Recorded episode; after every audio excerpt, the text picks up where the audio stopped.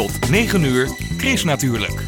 Hier is Chris Vemer. Goedemorgen. Jelle Reumer woont tijdelijk op Natuureiland 10 gemeten om een boek te schrijven. Om zijn huis cirkelt de witte kwikstaart. Voor zijn deur grazen Schotse hooglanders en onder de Hollandse wolkenluchten boven zijn hoofd vliegt een groep brandganzen. Even verderop in de Hoekse Waard wordt naastig geplukt en geplozen. Duizend braakballen van de kerkuil die gaan er doorheen om een record te halen. In Rotterdam stap je straks op de fiets voor de eerste aflevering van Gluren bij de Duurzame Buren. Een tour langs duurzame huizen en projecten. Dus pak ook je fiets en ga mee vandaag met... Chris natuurlijk, met Chris Vemer.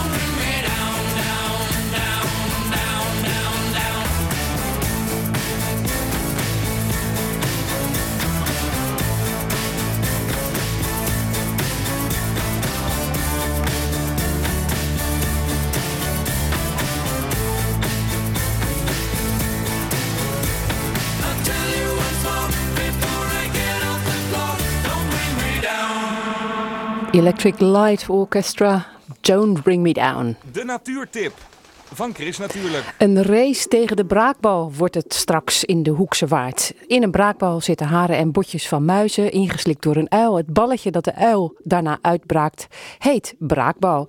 In het Nationaal Landschapscentrum in Numansdorp begint straks om 10 uur de recordpoging braakballen pluizen. Marijn van den Hogenhof van het Hoekse Waardlandschap neemt de uitdaging aan. Ik wel. Ik ga proberen duizend prooidieren te pluizen en te determineren. Nou ja, niet ik alleen. Ik heb nu ongeveer 8 à 10 mensen, volwassen mensen, die dat eh, gaan doen. Maar daar red ik het niet mee. Ik heb ook kinderen nodig en andere mensen die mij eh, allemaal komen helpen. En hoe komen jullie aan die duizend braakballen? Van de duizend uilen. Nou, nee, niet zoveel uilen. Maar uilen braken per dag eh, twee braakballen. En wij hebben verschillende plekken waar kerkuilen in kasten zitten.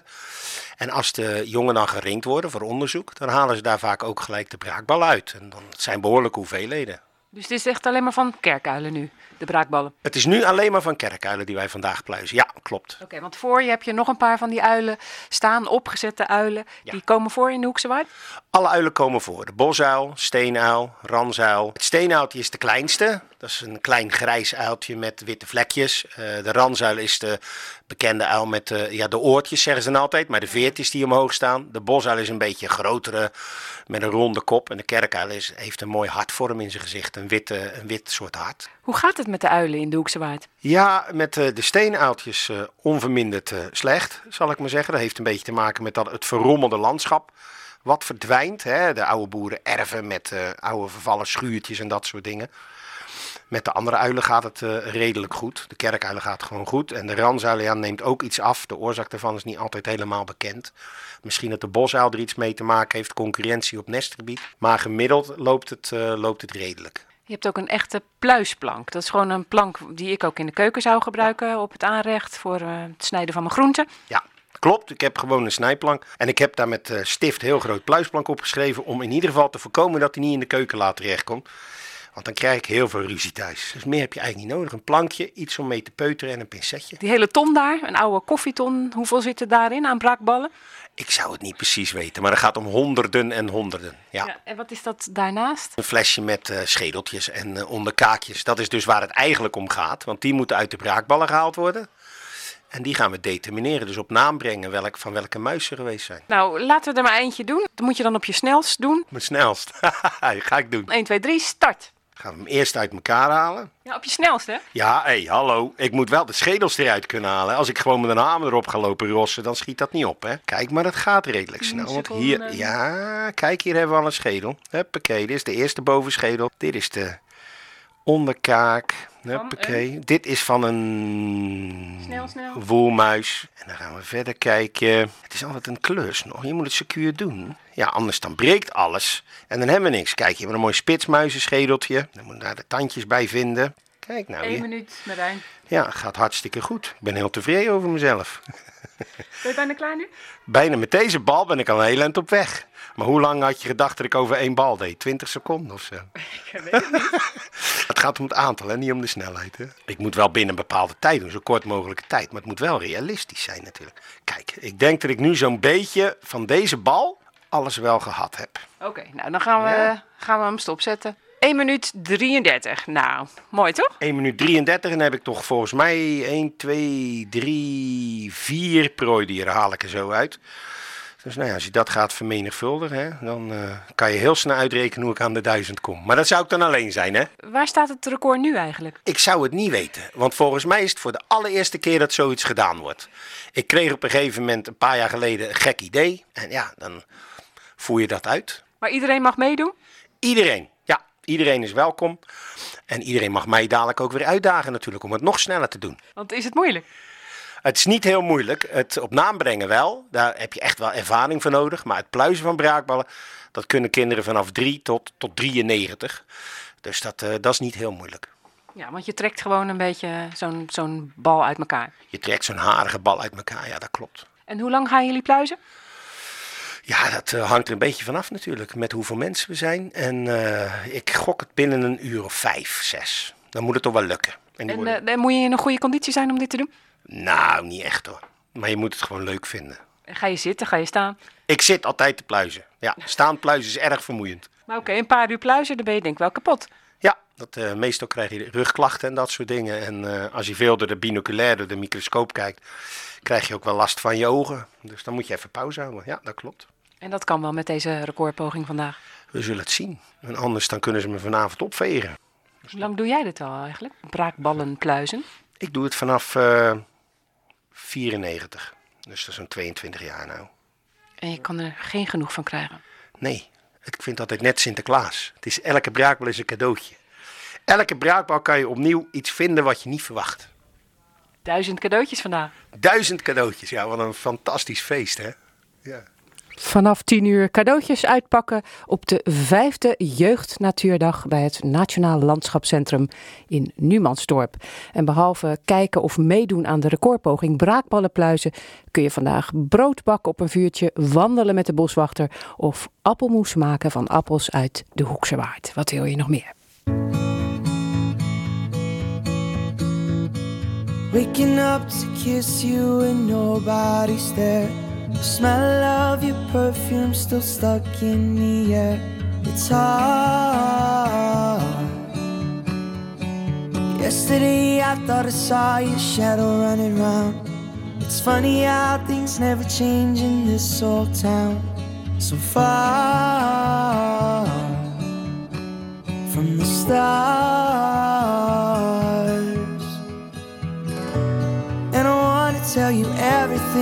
Words I never got to see the first time around. And I remember everything from when we were the children playing in this fairground. Shall I stay with you now? If the whole world was watching, I'd still dance with you. Drive highways and byways, be there with you.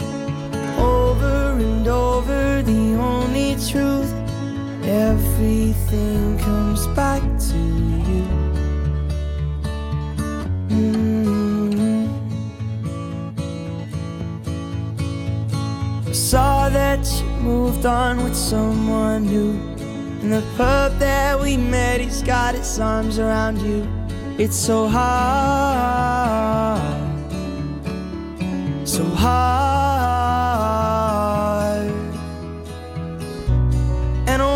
Tell you everything, the words I never got to see the first time around. And I remember everything from when we were the children playing in this fairground. Shall I stay with you now? As if the whole world was watching, I'd still dance with you. Drive highways and byways to be there with you. Over the only truth. Everything comes back to you. You still make me nervous when you walk in the room. Them butterflies, they come alive when I'm next to you. Over and over, the only truth. Everything comes back to you.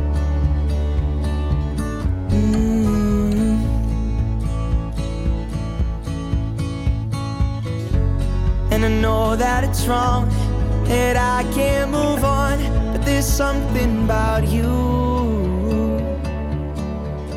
As if the whole world was watching, I'd still dance with you. Drive highways and byways to be there with you. Over and over, the only truth. Everything comes back still make me nervous when you walk in the room. Them butterflies, they come alive when I'm next to you.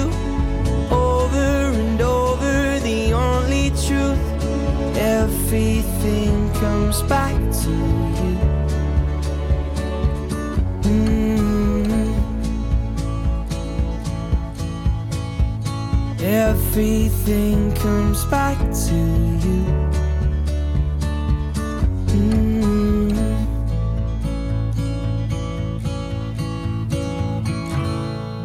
This Sound, Niall Horan. Als je op 10 gemeten bent, het natuureiland in het Haringvliet, dan waan je je soms alleen op de wereld. Vooral aan de westkant, die ook wel de wildernis wordt genoemd. Dat is de plek waar Jelle Reumer tijdelijk woont. Op uitnodiging van Natuurmonumenten mag de voormalig directeur van het Natuurhistorisch Museum in Rotterdam zes weken op het eiland doorbrengen om te schrijven aan een boek.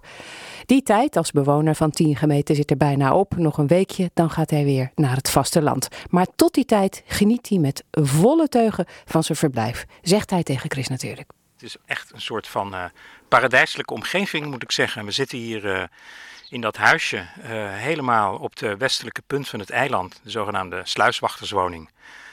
En het is hier een volstrekte rust. Ja, als je even stil bent, dan is het enige wat je hoort zijn eh, vogeltjes. Voornamelijk hier bij het huis zijn dat eh, witte kwikstaarten. Die, eh, die pikken hier de muggen en de vliegen uit de lucht. En er zit hier een heel familietje een beetje te chilpen. Maar verder, het is van alles. Er vliegen ganzen over, vooral grote groepen brandganzen. Nou, dat is een kabaal van je welste. Dat is, dat is echt een soort kakelende dameskrans is dat, als die overvliegen. Dus dat hoor je dan. En verder is het hier, ja, het is hier volkomen stil. Er lopen hier honderd hooglanders rond, maar die zeggen eigenlijk geen boe of ba. Ja, het enige wat je hoort is af en toe een vliegtuig wat overkomt, wat bij 16 hoven vertrekt en naar het zuiden gaat. Dat komt dan over 10 gemeten. Het is hier echt een, een, een paradijselijke, oorverdovende stilte. Ik dacht, nou, jij zit hier in een hutje. Dat is niet waar, hè? Nee, dat is, eh, dat is niet helemaal waar. Het idee is natuurlijk dat ik hier als Henry Thoreau in een hutje aan de, aan de rand van een meertje zit. Dat is natuurlijk niet helemaal waar, want er is een aantal van de oude boerderijen die wordt eh, verhuurd als vakantiewoning. Dus het is niet eh, afzien. Het is niet zoals eh, ooit, en dat dat is wel grappig, want als ik aan mensen vertelde dat ik hier naar 10 gemeten ging om een tijd te zitten, dan heel veel mensen van, nou ja, in ieder geval mensen van boven de 50, die zeiden dan, oh, is dat dan net als Jan Wolkers en Godfried Bomans op Rottermerplaat? Nee, niet dus, want die zaten echt in een, in een tentje, in een klein tentje op het eiland, ook maar een week trouwens. Eh, dus dat, eh, dat primitieve gevoel, dat heb ik hier niet. Maar het eilandgevoel en de absolute stilte en, en, en de natuur en de vogels en, en al die planten om je heen. En die vliegen om ons heen ook hierboven. Ja, ja, het, het sterft van de insecten hier, dat is ongelooflijk. Ik had trouwens verwacht dat er heel veel muggen zouden zitten vanwege al dat water hier. Maar dat valt enorm mee, er zitten eigenlijk helemaal geen muggen. Eh, je hebt wel dazen, dus af en toe moet je een daas een klap geven. Altijd te laat trouwens, want je merkt ze pas als ze al gestoken hebben. Dat is vervelend. En heel veel vliegen. Dat is natuurlijk ook niet verwonderlijk met al die koeien die hier rondlopen. Ehm, dus heel veel van die, ja, van, die, van die vieze zwarte vliegen. Nou ja, je moet ervan houden. Maar, eh, en die zitten soms ook echt bij honderden hier in het huis. Dus dat is even een minpuntje. Maar ja, dat hoort er dan bij, moet je maar denken. Dat is dan toch een beetje het wildernisgevoel wat je hier hebt. We moeten achterom lopen, want zeg jij eh, mensen op het platteland. Dat, zo voel je je nou ook hier, zoals je hier bent op het platteland. Die lopen natuurlijk altijd achterom. Ja, dat klopt.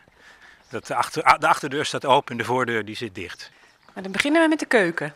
Ja, dit Jeetje, nou, dit is inderdaad ook geen keuken waarvan je denkt eh, afzien. Gewoon Nee, van nee. alle gemak voorzien. Ja, van alle gemak voorzien. Oven, vaatwasser, magnetron, alles zit erin. En een, eh, en een inductiekookplaat. Dus daar- daar ontbreekt het allemaal niet aan. En dit is je schrijfplek. Ja, dit is mijn schrijfplek, dus hier heb ik me geïnstalleerd. Met, met, met uitzicht helemaal over de, over de wildernis, zoals het hier heet. Dus over de vlakte. Dat zijn natuurlijk voormalige aardappelen en uienvelden die nu, eh, die nu verwilderen. Je ziet in de verte die hooglanders eh, rondlopen, die het hier kort houden. Nou, er zitten hier wat van die, van die ja, voormalige sloten, waren dat dan tochten. Die staan in principe nu allemaal in verbinding met het Haringvliet. Hè. Een natuurmonument heeft aan de andere kant van het eiland een, eh, een, een soort grote kerf in de dijk gemaakt. Dus gewoon de dijk is doorgestoken. Eh, dus dit water wat je hier nu ziet, ook voor het huisje, dat zit een kilometer of vijf verderop, rechtstreeks in verbinding met het Haringvliet. En het grappige is dat er daardoor dus ook getij in zit. Want er zit ook in het Haringvliet een beetje eb- en vloedwerking. Dat is heel weinig, want eb en vloed moet voornamelijk via de Nieuwe Waterweg en Dordrecht helemaal hier naartoe komen. Dus het is niet zoveel. Het is niet zoals je in Bretagne gewend bent dat de zee zes meter op en neer gaat. En nou ja, ik zit hier dus inderdaad aan een schrijftafel. En eh, de gids erbij, de nieuwe zakgids voor vogels. Die Ja, heb je nodig? Ja, ik heb hier. Ja, want ik ben helemaal niet echt een vogelaar. Over- Overigens, dat dreig ik nu wel te worden. Het is hier ongelooflijk, want ik ben, ik ben vanochtend opgestaan. Eh, en- wat ik sindsdien gezien heb, dat is hier in het water. Daar zaten eerst 20 zilverreigers, een stuk of 50 aalscholvers. Nou, je ziet hier nu nog een paar wilde eenden rondzwemmen. Ik had vanochtend al een gezinnetje fazanten hier eh, in het gras rondlopen. Een, een, vrouwtje met vijf eh, halfwas jongen. En, en roofvogels. Er zit hier ook heel veel roofvogels. Voornamelijk bruine kiekendieven en boomvalken. De zeearend nog niet gezien? Ik heb hem één keer even voorbij zien komen. Ik heb ook de visarend één keer hier eh, gezien. Ja, je kijkt echt je ogen uit. En dat is heel wijd, hè, want je kijkt dus helemaal die bomenrijen in de verte. Dat is dus Goeree-Overflakkee. En als het helder is, dan kun je, dat is wel even een minpuntje natuurlijk, maar als het helder is, dan kun je zelfs de stoompluim zien van de kerncentrale van Doel bij Antwerpen. Ja, het zit natuurlijk toch aan de rand van de Randstad. Tussen, ja, tussen eh, de Botlek aan de ene kant, eh industrieterrein Moerdijk aan de andere kant. En, en iets naar het zuiden heb je natuurlijk Antwerpen met al zijn haven en industrie. En, en de kerncentrale, ja, dus het is toch een, ja, het is echt een oase van natuur aan het worden. Het is natuurlijk heel erg in ontwikkeling nog. Wat heb je opgeschreven hier vandaag? Want dit is al wat je vanochtend hebt gedaan, hè? Ja, soms heb ik van die ideeën, die krijg ik in bed en dan ga ik even, ga ik even opschrijven. Dus een beetje een, een, een, stukje over het eilandgevoel. Ik hou een dagboek Lees eens wat voor. Even kijken hoor, ja jeetje. Eh tien gemeten is vooral een fijne werkplek omdat het een eiland is. Eilanden zijn anders. Natuurlijk kun je ook op andere plekken nadenken, mijmeren, nuttig lanterfanten en schrijven. Maar op een eiland weet je je beter losgemaakt van aardse beslommeringen. Nou, zo gaat het nog even door. Zijn dit jouw boeken of niet, die hier staan? Ja, dat zijn mijn boeken. Althans, ja, er stonden een paar boeken die, zijn van, die stonden hier in het huisje. Dat is het onderste kleine rijtje. En dit zijn de boeken waar ik mee werk. Dus dat is een hele verzameling eh, over Henry Thoreau en door Henry Thoreau. Ja, want we hebben nog helemaal niet gehad eh, over waarom jij hier bent. Er komt volgend jaar een boek uit over eh, Henry Thoreau. Hij leefde van 1817 tot 1862 in de Verenigde Staten, Massachusetts. Hij is vooral bekend geworden omdat hij een tijd, twee jaar, ruim twee jaar zelfs, eh, in, een, in een zelfgetimmerde hut, ja, een soort, keten, een klein huisje, aan de rand van een eh, meer heeft eh, vertoefd. Niet echt midden in de wildernis, want het zat maar een paar kilometer naast het plaatsje en had vrij veel contact nog wel met mensen in die tijd. Maar daar had hij zich afgezonderd. Ja, eigenlijk ook een beetje zoals ik nu hier op 10 gemeten zit, had hij zich er afgezonderd om na te denken over de wereld en de natuur en zichzelf. Hij heeft eh, in Amerika John Muir geïnspireerd, die de National Parks heeft eh, opgericht, eigenlijk zou je kunnen zeggen. Om te beginnen heeft hij Yosemite Valley gered van de ondergang als stuwmeer. En dat is nu een van Amerika's eh, beroemdste nationale parken geworden. Hij heeft, daarna heeft hij Jacques P. In Nederland geïnspireerd. En Jacques P. Thijssen, die, die kennen de meeste mensen natuurlijk van de Verkade-albums, met, met plaatjes. Eh, maar Jacques P. Thijssen is ook de man die in, eh, in 1904, 1905 bezig is geweest met het redden van het Naardermeer. Hij heeft met een vorm van, ja, eigenlijk zou je dat nu crowdfunding noemen, heeft hij geld bij elkaar weten te harken om het hele Naardermeer aan te kopen en, en, en natuurmonumenten op te richten. Eh, en, en Jacques P. Thijssen staat dus in Nederland aan de basis van de natuurbescherming. Maar Jacques P. Thijssen is rechtstreeks geïnspireerd door, door Henry Thoreau. Nou, en Natuurmonumenten is tegenwoordig de eigenaar van het eiland 10 gemeten. Wat ook eh, misschien wel een vuilnisbelt had kunnen worden. Of een vuilstort. Of een Nou eh, ja, vliegveldbasis. Of... Ja, er zijn plannen geweest om hier een baggerslipdepot van te maken van het hele eiland. De tweede nationale luchthaven is eventjes sprake van geweest om, eh, om Schiphol te ontlasten en 16 over te kunnen opheffen. Er zou hier een kerncentrale komen, er zou hier een volledige Vinex-wijk opgebouwd worden. De gekste ideeën zijn verzonnen, maar nu is het dus sinds een jaar of twintig is het eigendom van, van natuurmonumenten. En, en, en natuurmonumenten is opgericht door Thijssen en Thijssen geïnspireerd door Thoreau. Vandaar dat er dus eigenlijk een rechtstreekse link zit tussen Henry Thoreau aan, de, aan het ene eind en het eiland 10 gemeten aan het andere eind. En vandaar dat ik dus ook buitengewoon blij ben dat Na- Natuurmonumenten mij de kans geeft. En die hebben mij uitgenodigd om hier zes weken als writer in residence, zoals dat in mooi Nederlands heet, eh, te gaan zitten om, eh, om te werken aan dat boek over Henry Thoreau. Zullen we naar buiten gaan de natuur in? Dat is goed.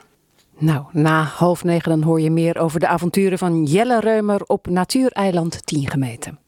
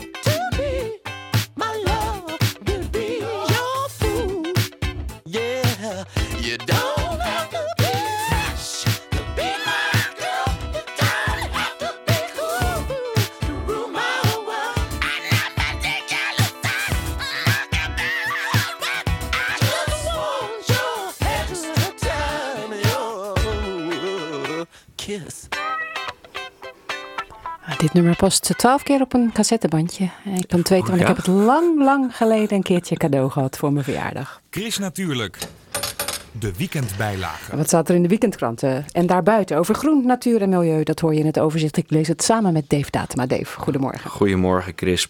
Wie mag zich de meest duurzame Nederland van 2016 noemen? Nou, volgende week publiceert Trouw, net als elk jaar, weer de duurzame 100. De eerste 75 namen zijn al bekend, zoals Maya van Steenhoven. De directeur van het programma Warmte Koude Zuid-Holland komt met stip binnen op nummer 50.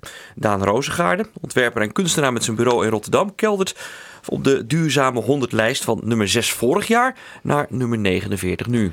Natuurlijk, afscheid zit in de lift. Het laatste vaarwel van een dierbare gebeurt vaak in een grijze zaal, terwijl het zoveel persoonlijker kan. Tussen de schapen op een boerenerf bijvoorbeeld.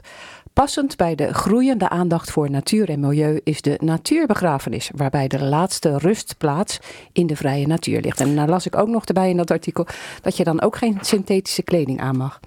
Mag gewoon niet. Nee, nee want het moet natuurlijk wel eh, Ja. kunnen verdwijnen in de natuur. Oftewel een begrafenis met een dresscode. eh. Ja, zeker. Oké. Poeren in de tijgerpoep staat er boven een artikel in de weekendbijlage van de Volkskrant. Tijgerpoep blijkt namelijk een onschatbare bron van informatie. Met DNA uit de uitwerpselen van de Bengaalse tijgers in Nepal wordt gespeurd naar inteelt, infectieziekten en stropersnetwerken. Het verzamelen van DNA is onderdeel van een groter pakket maatregelen om nog voor 2020 het aantal tijgers wereldwijd te verdubbelen. Want als je dieren voor uitsterven wilt behoeden, is het niet meer voldoende om ergens een hek omheen te plaatsen. Dan heb je wetenschappelijk onderzoek nodig om het leefgebied van de dieren te verbeteren. Het AD Rotterdams Dagblad wandelt met Astrid Sanson door de binnenstad van Rotterdam. Sanson is directeur bij de dienst Stadsontwikkeling. Ze is de grote trekker van het concept City Lounge. De maatregel om Rotterdam zachter te maken met meer groen, meer levendigheid en vooral minder auto's, dat werpt zo zijn vruchten af, zo vindt de directeur. En dat was Dave Datema met het groene nieuws uit de weekendkranten.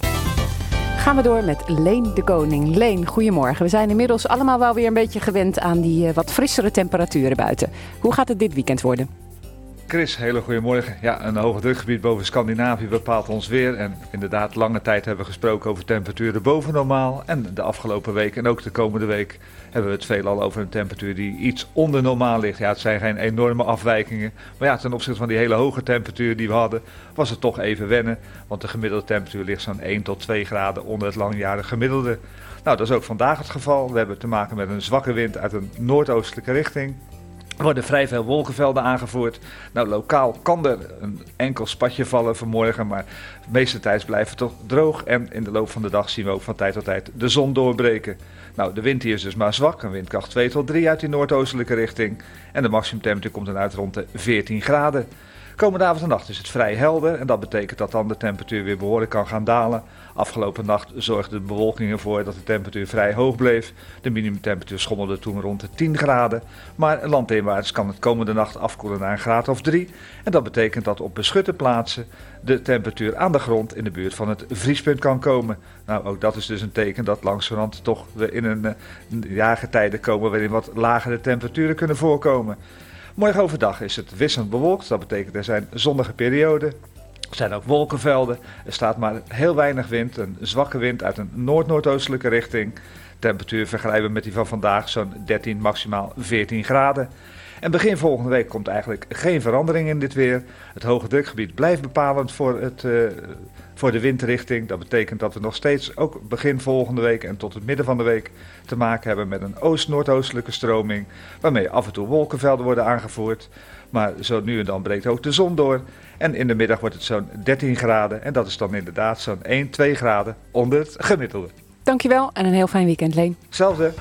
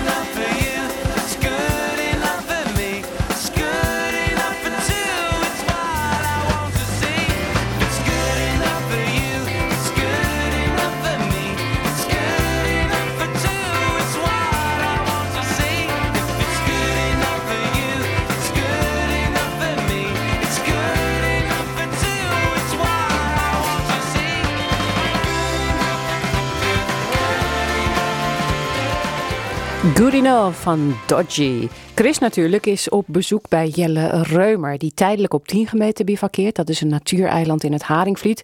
Voor half negen heb je al kunnen horen hoe mooi hij woont, te midden van de stilte en de natuur. En nu vertelt de bioloog en schrijver hoe hij op uitnodiging van natuurmonumenten op het eiland werkt aan een boek over Henry David Thoreau. Met zijn gedachtegoed heeft deze Amerikaanse natuurfilosoof veel latere natuurliefhebbers beïnvloed. Jou ook, Jelle? Ja, zeker. Het is een buitengewoon inspirerende figuur.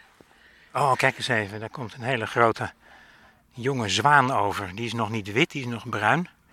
Echt vlakbij ons, hè? Ja, ja, en dat geluid, dat, dat is zo'n mooi geluid hè, van die vliegende zwanen.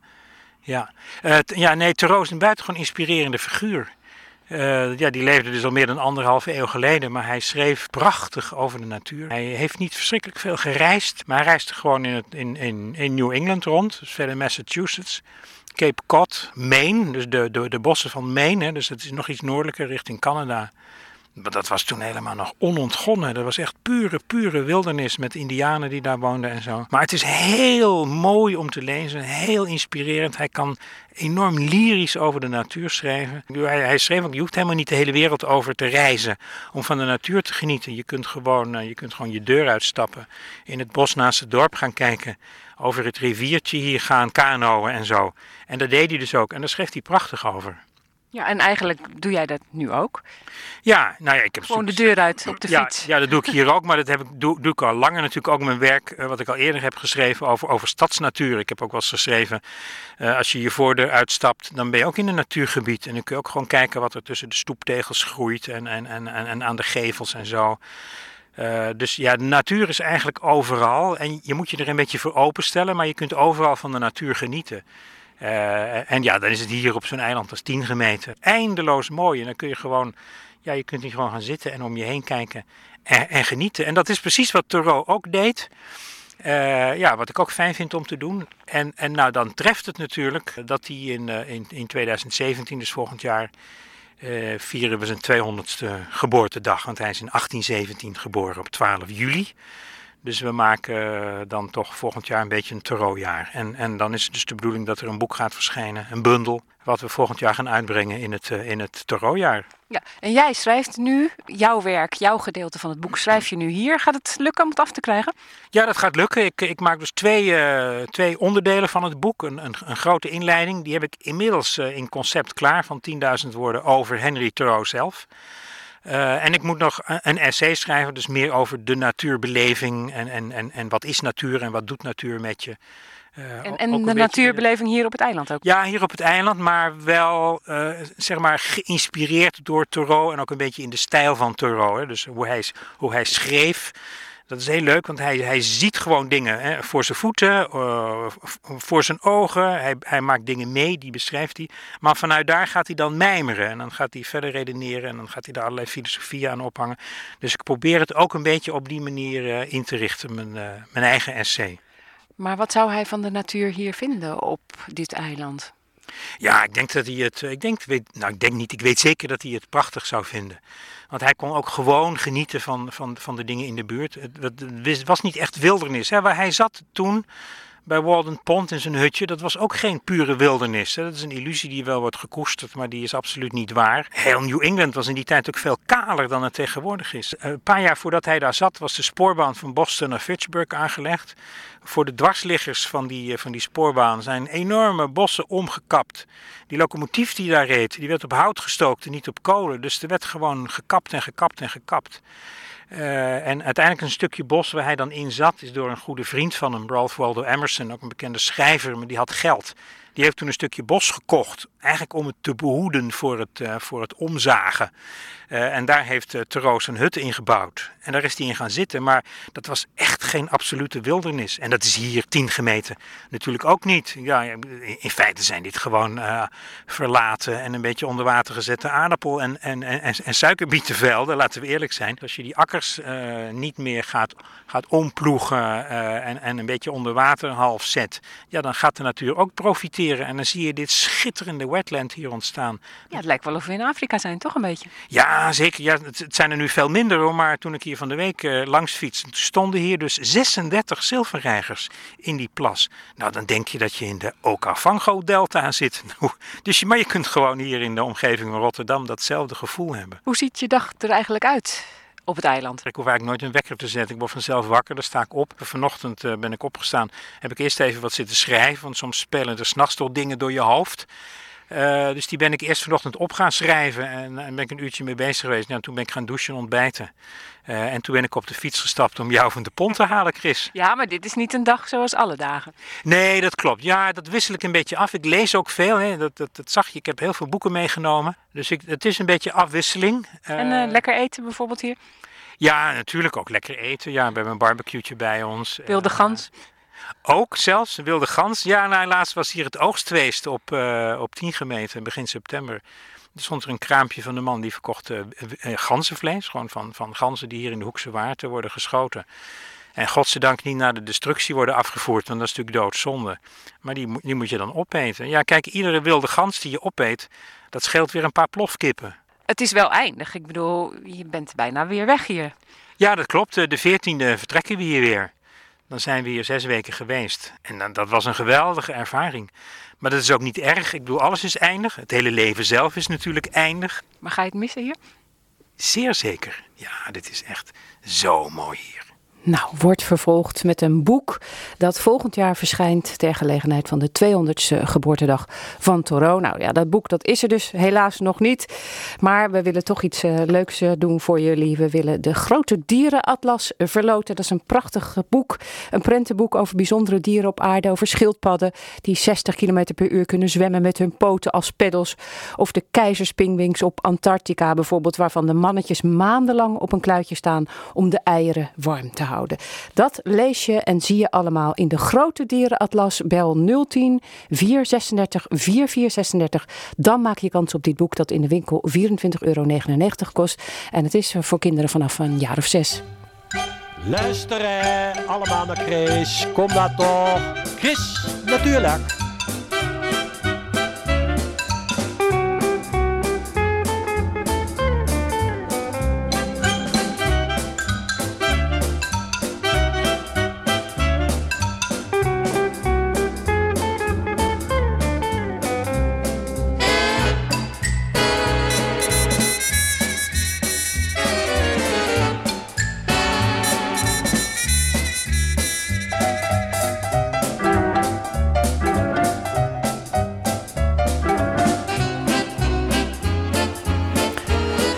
Nederlanders houden de gordijnen graag open. Dat kun je zien. Dan kun je zien hoe of het bankstel staat bij Mien, zong Wim Zonneveld vroeger al. In Rotterdam kun je vandaag gluren bij de duurzame buren. Op de fiets door de stad maak je een tour langs duurzame woningen en projecten in de stad.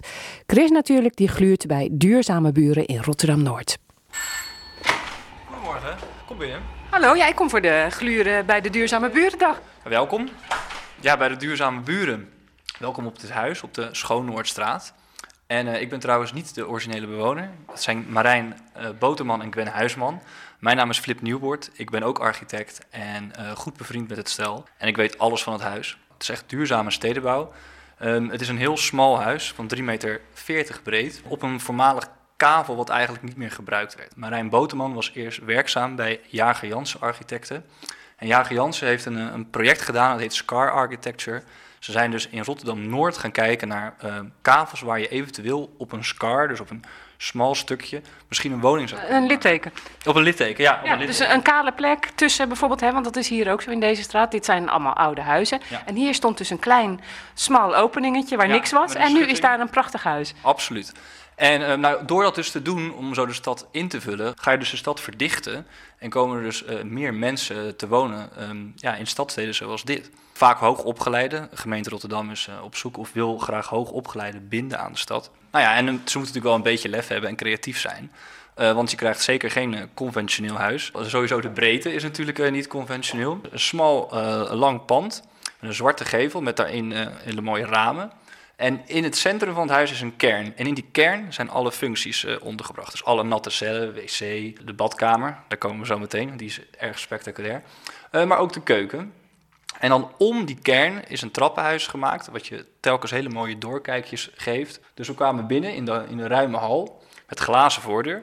En vanaf die glazen voordeur kijk je al eigenlijk helemaal langs die kern naar de achtertuin. Ja, want het is eigenlijk al een gluurhuis, hè? Je kan hier gewoon lekker naar binnen gluren. Het is een gluurhuis en je kan hier dus ook niet eh, s ochtends vroeg voor de, eh, of het is de ongezien s ochtends vroeg voor de koelkast staan. Nee, dus je gluurt zo naar binnen, naar de Schoonoortuin. We hebben een gigantische glazen pui van, ik geloof wel drie meter hoog, die je helemaal open kan vouwen, waardoor dus de tuin echt bij het huis hoort. Dus als je aan de eetkamertafel zit, zit je als het ware in de tuin. Nou, die tuin, de Schoonoortuin, wordt gedeeld met alle bewoners hier. En eh, nou ja, goed, ze hebben hier één, twee barbecueplekken. Dus we staan nu in de, in de woonkeuken, of de, ja, de, de leefkeuken. En vanaf hier gaat dus, brengt de trap ons naar de eerste verdieping. Dus ik zou zeggen, Ja, want ik kan hem al zien, de eerste verdieping. Want hier eh, is een soort net, hier boven mij. Ja, dat klopt. Nou ja, Ehm, van beneden gezien kan je dus al naar de eerste verdieping kijken, want er is dus een vierde langs de gevel met een net waar je dus in kan liggen en eh, daarmee ook weer uitkijken over die mooie Schoonoortuin. En ze hebben stiekem ook nog eens enorm veel bergruimte in de kern zitten. Overal zitten kastjes, eigenlijk als een soort caravan. eh, kan je deurtjes open doen en spulletjes stallen. Bijvoorbeeld de gigantische schoenencollectie van, eh, van Gwen. En alle potjes en pannetjes die hier boven elkaar opgestapeld staan. We gaan naar boven.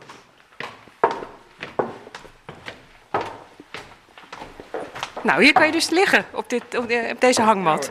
Ehm, ik begreep dat het net 4.500 kilo aan kan. Dus dat, is, eh, nou, dat zijn nogal wat eh 45 mensen van, eh, van 100 kilo. Ja, je moet geen hoogtevrees hebben. het is de best wel een beetje eng eigenlijk, hè? is volgens mij wel 3,5 meter. Ja, je kan hier gewoon ook instappen met je voeten. Absoluut, zou ik het? Ja? Oké, gaan we nog verder of ga je nu een dutje doen? Ehm, ehm, nee, we gaan nog even verder, want het mooiste moet nog komen. Absoluut. En we moeten het ook nog even hebben over de duurzaamheid. Want je zei ja, het is duurzaam omdat er op dit kleine stukje grond weer een nieuw huis is gebouwd. Maar is het ook nog duurzaam binnenin? Nou, de opzet van het pand. Het heeft maar een klein stukje gevel en het is heel diep.